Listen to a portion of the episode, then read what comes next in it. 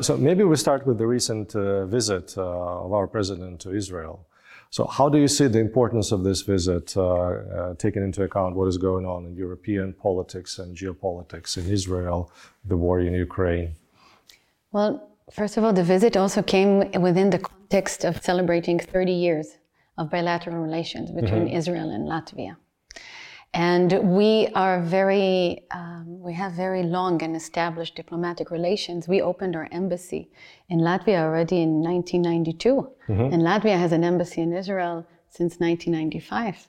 Okay. So we, we are really one of those countries that very early on uh, established our relation. And we also have very long historical connections, people to people uh, connection which is wonderful. We have a Latvian community in Israel. Mm-hmm.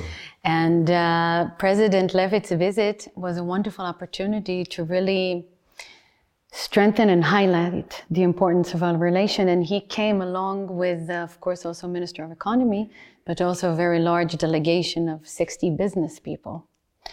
And uh, during his visit, we also managed to have a business forum and also LIAA uh, announced of their opening of a LIAA branch, branch, the investment agency in Israel. So we're also hoping very much to advance our economic uh, relations.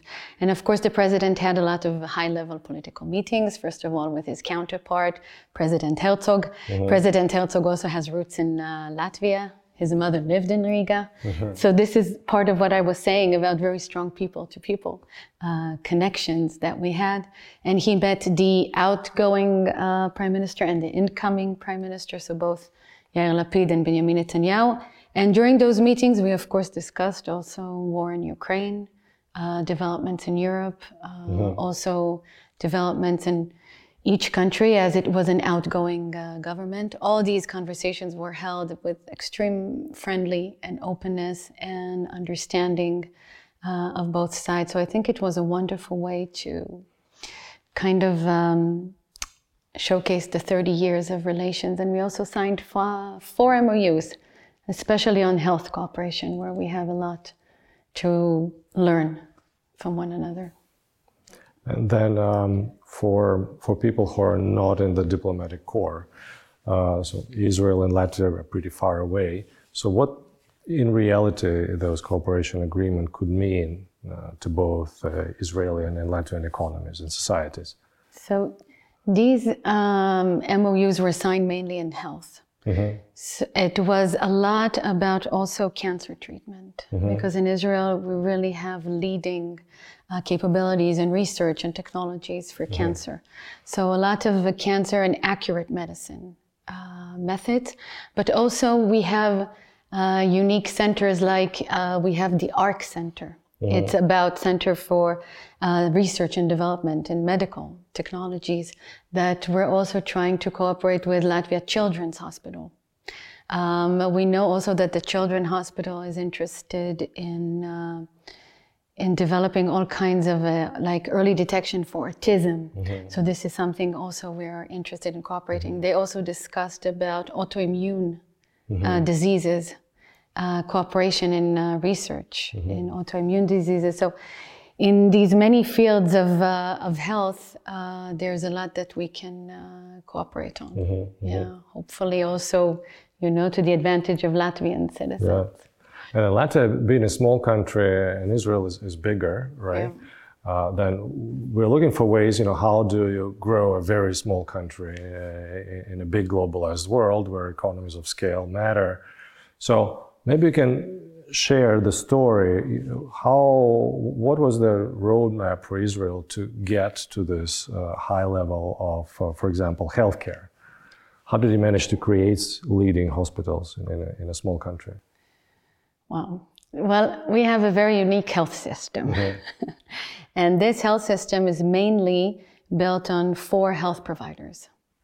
And all country citizens must be a client of a certain health provider. Mm-hmm. One of. One of them, mm-hmm. and you mm-hmm. can choose. And they mm-hmm. have a very well based uh, clinics and offices all over the country. So you can choose really whoever you mm-hmm. want.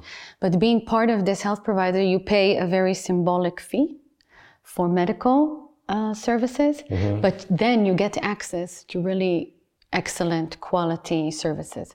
So some of them are uh, government funded. Uh, others, of course, it's like I'm talking about like 25 shekels, which is I'm trying to seven euros a Yeah, month. something like that. Yes. Uh-huh. And you have a card, and with this card, you're entitled for a really, really large um, basket of medical treatments. And this was especially shown when it in, during COVID time, because in COVID time, every citizen of Israel is attached to a certain health providers. All the health providers, it's all digitalized. And here I emphasize the mm-hmm. importance of being digitalized, because mm-hmm. if you don't know and you don't have the proper data of of uh, of the people, you can't start conducting such a huge operation as COVID, mm-hmm. for example.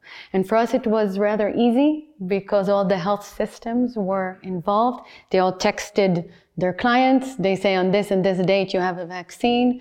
We have very clear registration who was vaccinated.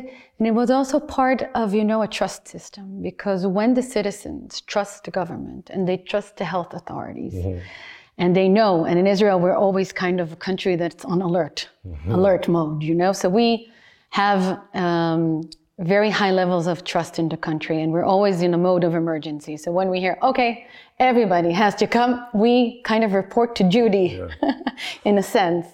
Uh, so it's easier in that way. But all the technological aspects of medical, but not only medical, it's, it's a wider, uh, for Israel, I would say development and research and development is, is, is part of our DNA. Because we're a country with very small resource, resources, we don't have oil so much. We are living in a semi-arid zone. We don't have water. We don't have many things, Yes. to be very honest. So we have to invent them. So we say, you know, that uh, uh, necessity is the father of innovation. So since we needed, we didn't have, so we had to invent. So that also applies for uh, medical, but not only medical, for security, for agriculture, because you don't have water. For example, so drip irrigation, for example, which is an Israeli Yes. um, invention, but it came from the lack of water. So it's it's a larger setup of uh, you know Israeli mindset, and part of it is also being very self-reliant. We rely on ourselves, and and we don't expect um, others either to defend us or to provide us. Uh, we really put an emphasis on being self-reliant as a country. And as a society, how would you compare uh, Israeli society reaction to COVID? You had very high rates of vaccination. You did vaccinate people the first. You were super organized. You got a very good price for vaccines. You famously had the Secret Service agreed on the price of vaccine. So was it was it a rumor? I don't know. But if you compare this to the reaction in the- in the European countries, you mentioned being disciplined, and then mm-hmm. of course, if everybody in the country was in the army once, so naturally the society is probably much more disciplined. So, Yeah. what are your reflections? So I think I, again, it's part of this emergency mode mm-hmm. that we're used to it. So of course it has its negative implications of being constantly uh, on very high alert, but then it has its positive sides that when you do have a crisis, and in this case it was a medical crisis, that everybody is recruited. And we have very good connection also between our uh, civil um, authorities, uh, security authorities. So everybody was kind of, you know, joined forces into this uh, into this effort, and um, and because of this um, sense of emergency, then we operate very quickly. For European countries, for example, there was the EU. And the EU was negotiating for a lot of European countries. And of course, it's a much more complicated system to work with. It also has a lot of disadvantages, but it's also very complicated and you need certain authorizations and you have the commission, etc. In Israel, it's one country. We have uh, quite, um, you know, decisive and quick decision makers. And once they decide something, they operate. So in a sense, uh, in certain cases, it's easier It's easier. to operate that way. Yeah. Is there a noticeable anti-vaxxer movement in Israel?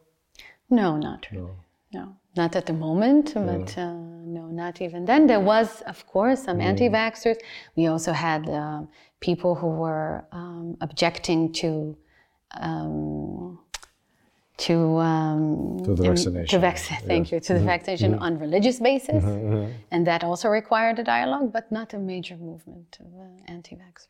because I'm like really curious about like non-obvious things. For example, it seems that in China they were not able to convince the population to vaccinate.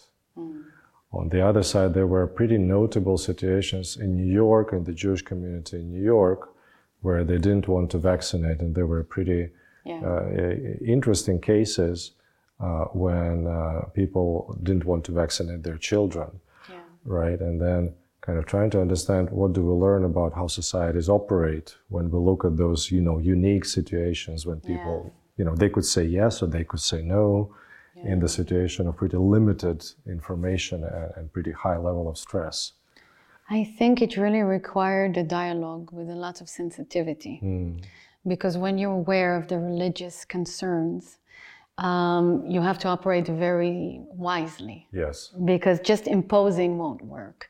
And then th- there was a conversation and dialogue with religious leaders and how it can be done. And they also found their own solutions, you know? So, like, let's say more closer to synagogues or also providing certain um, food or meals, community meals, or things like that, and also explaining to the population about uh, about the vaccination was very, very important. Of course, there were still those who objected, and we, we Yes. encountered similar problems. But I can say that um, an interesting fact that despite COVID, uh, our economy survived very well. And and pro- projections were quite you know grim.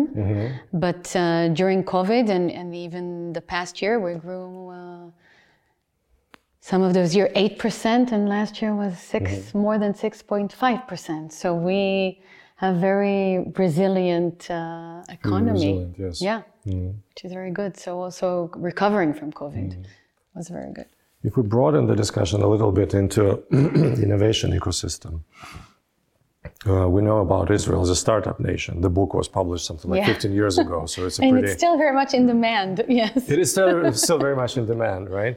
I mean, one of the questions that I had in that regard was that startup nation is, is good, Yeah. but then for economy, scale up nation is more important. So when there is a startup and the startup grows into a big firm, and that's something that we have not really seen as much in Israel. It's now better, right? So maybe you could talk about the broader ecosystem of you know economic actors, startups, you know, and other firms, and how does how does the government sees you know sees that developing? How does the government help? Okay. So I think Israel has a very unique setup uh, that involves many, many elements. So because as I said before, we didn't have, so we had to invent. So we mm-hmm. started with trying just the basic agricultural, you know, needs of drip irrigation, etc. But we started getting into the innovation mode. On the other hand, we also had the military. And even in 48, we already established the Science Corp of the military. Hmm. So already from the beginning, there was a strong emphasis, first of all, on quality over quantity, and that we will always have the advantage, the technological advantage, but also the um, uh, intelligence advantage. Okay. Now, once you have this in the army, this is of course supported by government. Then the army already trains a lot of. Um, you know, engineers, a lot of communication people. When they finish their army service, where do they go? They go into industry, into companies, etc. Also universities. Uh, already from the 50s, we had our first R&D center, let's say, in the University of Haifa in the Technion. And that also strengthened the relations between academy and industry, military and industry, civilian engineers. So we somehow created this community of developers, of engineers. And after international community noticed that Israel is advancing all kinds of civilian agriculture, but also military, they started investing in Israel already in the 70s. So we had already in the 70s company like IBM, you know, and or Motorola investing in Israel. And that brought a lot of international knowledge, you know. So also this flow of international knowledge into Israel, that became a very, very strong um, component. So this community grew, and then also government started legislating legislations to promote um, high tech and innovation in Israel. And that process that started in the 80s more or less coincided that in the 90s, for example, the Soviet Union collapsed and we received about 1 million Jewish um, Russians who came to Israel, and many of them were engineers and scientists. So that highly contributed uh, as well to Israel. And today we have the Innovation Authority. Mm-hmm. Innovation Authority is part of the government's branch to invest in innovation, to provide um, funds and grants mm-hmm. for new uh, startups and, and companies, also connecting them with international companies and all kinds of projects, and you know, such as Horizon in Europe uh, and etc. And we also have all kinds of initiatives. Like we have something quite unique in Israel, what we call the uh, Startup Central. Mm. It's a database basically, of all the companies in Israel that deal with startup. And let's say you're interested in cooperating with, I don't know, meatless meat company. So you go to Startup Central and you say alternative proteins and you get the companies and it makes things much, much more mm. easier to also do research. They're like a think tank as well. Mm. And they also recommend to governments on all kinds of policy. So we have a very specific uh, ecosystem supporting uh, innovation. And currently, our high tech industry accounts for more than 54% of our import, which is huge.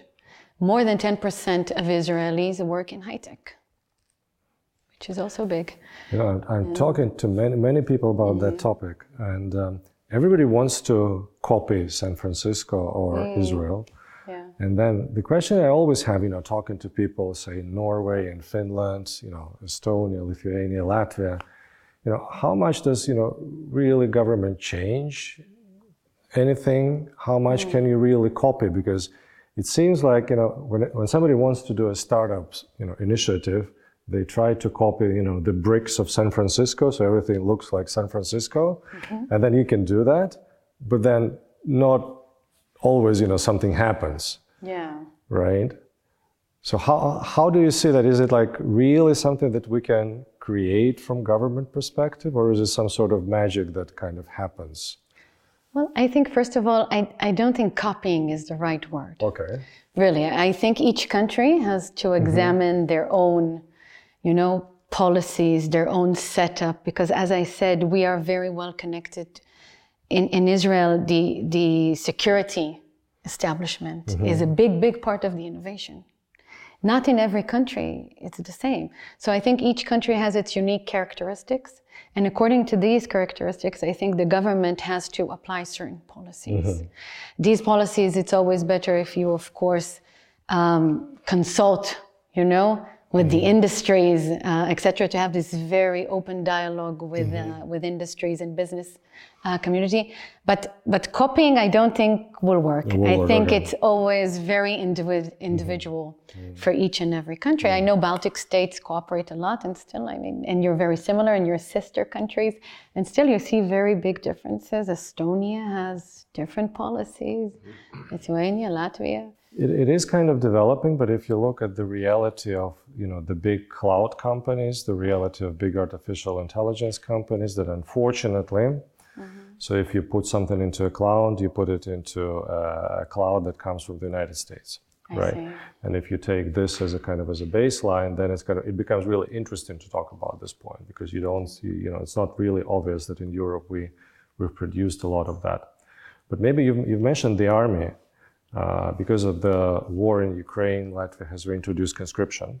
Yeah. And you know, I've read the law, and then the law states that you know people will be conscripted, and it's mostly uh, boys, right? Mm-hmm. And I kind of, you know, it was kind of, in a sense, it didn't sound right, but I said, okay, you know, it's kind of logical.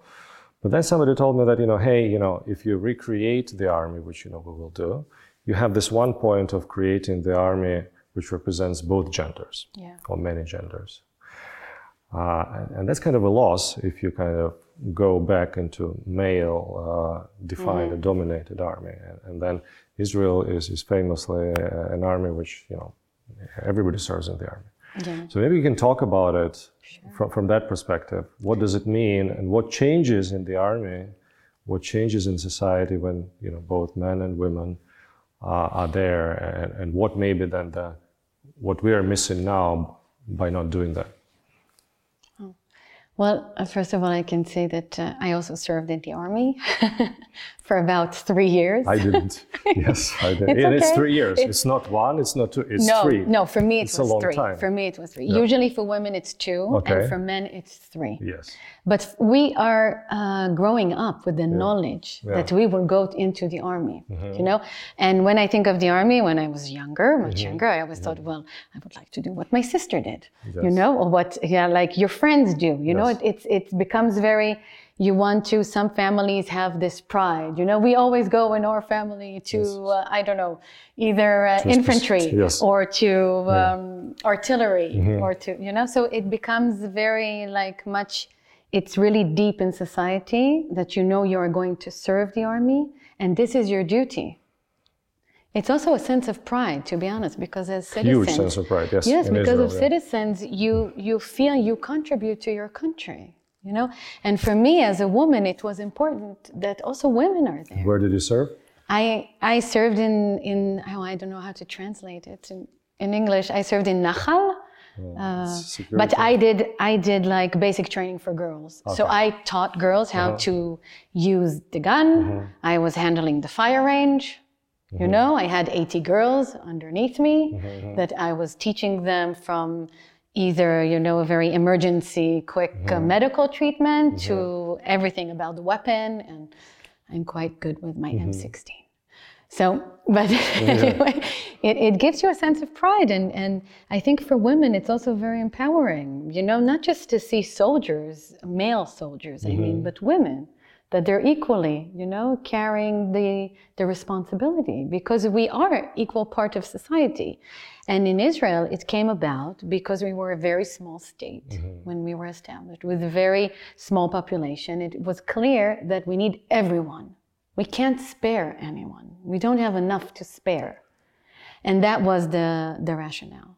Mm. And I think it, it's up to Latvia to decide, of course, how you, you want to proceed. But I also think you need some social preparedness.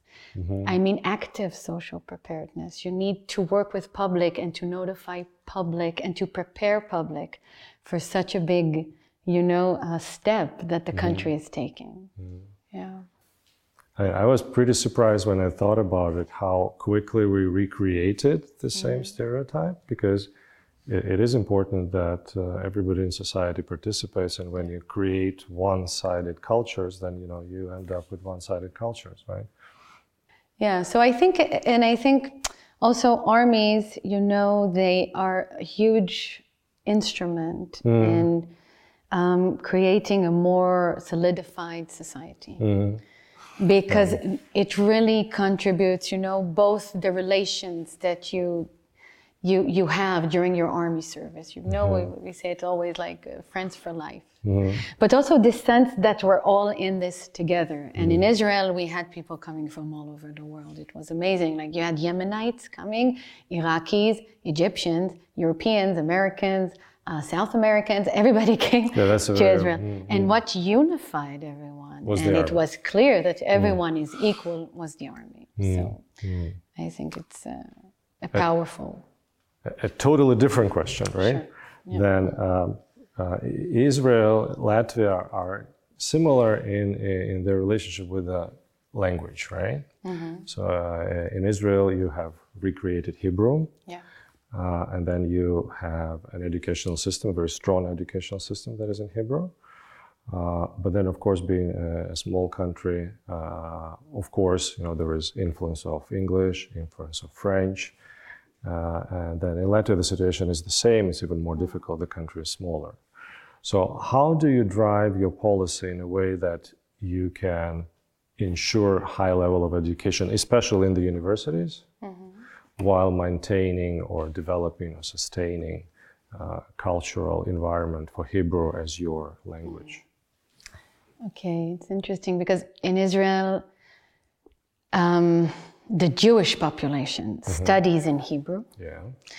The Arab population studies usually in Arabic, and this is uh, perfectly fine with us. I mean, they can study in Arabic. We don't enforce them. High schools, you know.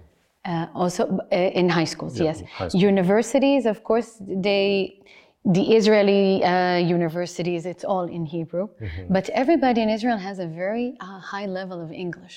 Mm-hmm. It's also because a lot of people are English speakers Mm-hmm. who came to Israel. I can tell you where I grew up. Uh, I heard Hebrew and English all the time Mm-hmm. All the time, okay. and my father's from New York, Mm-hmm. but also the community around us, uh, South Africans, Australians, like, so people, there are a lot of English, native English speakers uh, in Israel or Mm-hmm. native families, you know, so very high level uh, of English.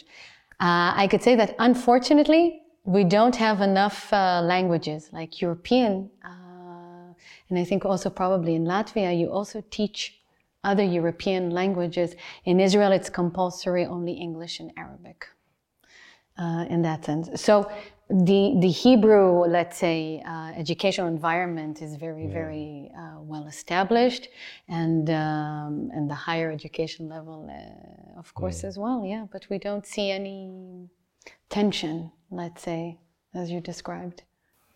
So talking about Hebrew and Arabic, uh, I cannot not mention that the Fauda uh, series. series. Yes, yes. What's your impression of that of that movie? Because for us, it was such an eye opener how they were able to show both ethnic groups. Yeah. I watched it, you know, in original language with subtitles. How both languages sound familiar, actually, and the first thing you learn is to di- Distinguish distinguish the Hebrew right? and Arabic. Yes, yes. Yeah. So, what uh, Wow. what impact had the movie in, in Israel? In Israel. and in Arab? As far as I understand, it's hugely popular in the Arab population. It's it's interesting. It's Yes, really interesting yes. showcase that I, but it's a very popular show uh, in Israel. Really, Mm-hmm. uh, I think one of the elements that they managed to do it so well because one of the creators, some of the creators were actually serving Yeah, yeah. actively in one of those units who went undercover into Palestinian uh, territories, etc. So they both know how the Israeli side feels, but of course, being there, they also sense the local sentiment. And I, I think they were very wise in showing both perspectives and how it's extremely difficult and complicated and emotional for both sides, and how both sides pay unbelievable prices, you know, um, uh, because of this conflict.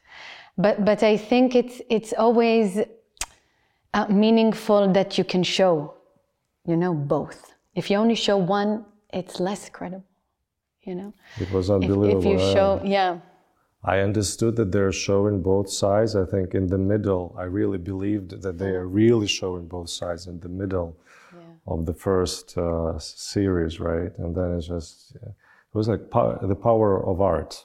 When you just show how people feel on one side and on the other side, and you kind of don't choose sides. Yeah, very true. And you also saw women there.